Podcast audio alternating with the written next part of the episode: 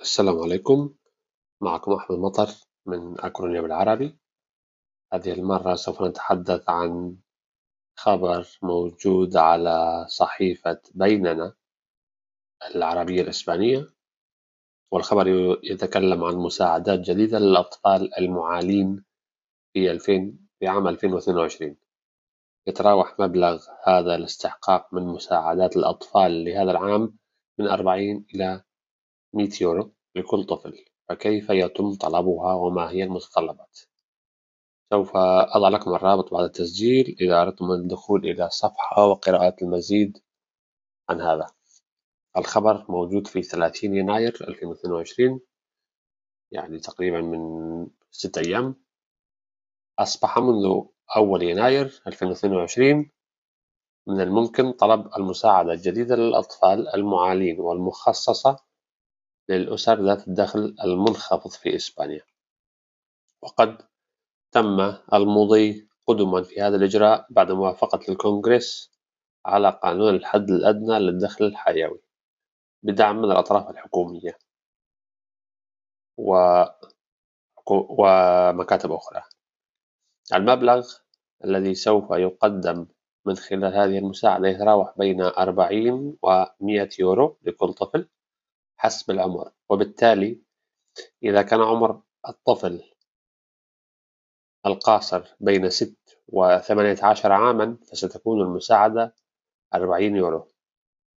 من ثلاث إلى ست سنوات ستكون المساعدة سبعين يورو. وفي وفي حالة الأصغر من صفر من حديثي الولادة إلى ثلاث سنوات ستصل المساعدة إلى المئة يورو يمكن طلب هذه الميزة الجديدة من المعهد الوطني للضمان الاجتماعي سواء من خلال موقعهم على الإنترنت أو شخصيًا.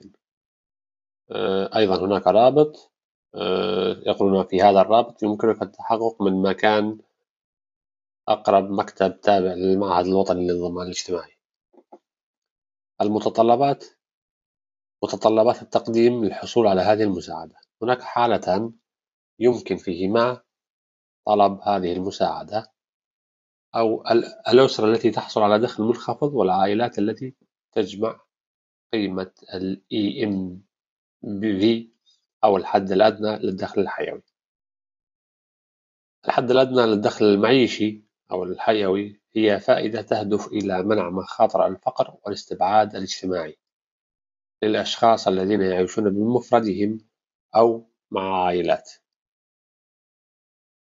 عندما يكون في حالة ضعف عندما يكونون في حالة ضعف بسبب نقص الموارد الاقتصادية الكافية لتغطية احتياجاتهم الأساسية. سوف تتلقى المساعدة من قبل العائلات التي تحصل على الدخل الأدنى الحد الأدنى للدخل الحيوي أو للدخل المعيشي وكذلك من قبل الأسر التي تثبت أن لديها القليل من الدخل.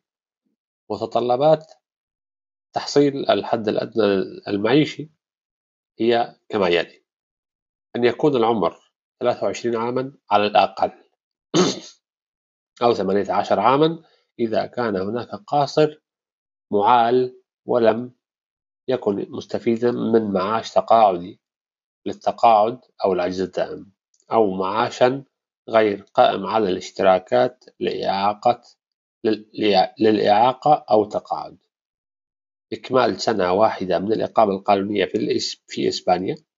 الإقامة بشكل مستقل لمدة سنة واحدة على الأقل في حالة العائلات وثلاث سنوات في حالة الأعزب. في حالة العيش المشترك أن يكون قد مضى عام على على مرحلة العيش المشترك من قبل الطالب لها. بعد ذلك بإمكانهم الحصول على المزايا التي يستحقونها. أن تكون مسجلا كباحث عن عمل في مكاتب الحصول على العمل. قد يكون هناك آه، الأشخاص الذين يستخدمون يستخدمون مؤقتا توفير خدمة سكنية ذات طبيعة اجتماعية أو صحية أو اجتماعية صحية من المستفيدين.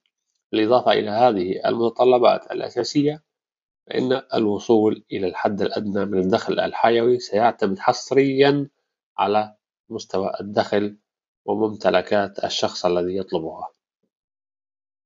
يمكن أن يكون الشخص آه، يدخل بدخل أقل من الدخل الذي يحدده الحد الأدنى للدخل المعيشي من المستفيدين من قيمة الحد الأدنى الحد الأدنى للدخل المعيشي بالنسبة للأسر ذات الدخل المحدود يجب أن تتوفر فيها الشروط التالية.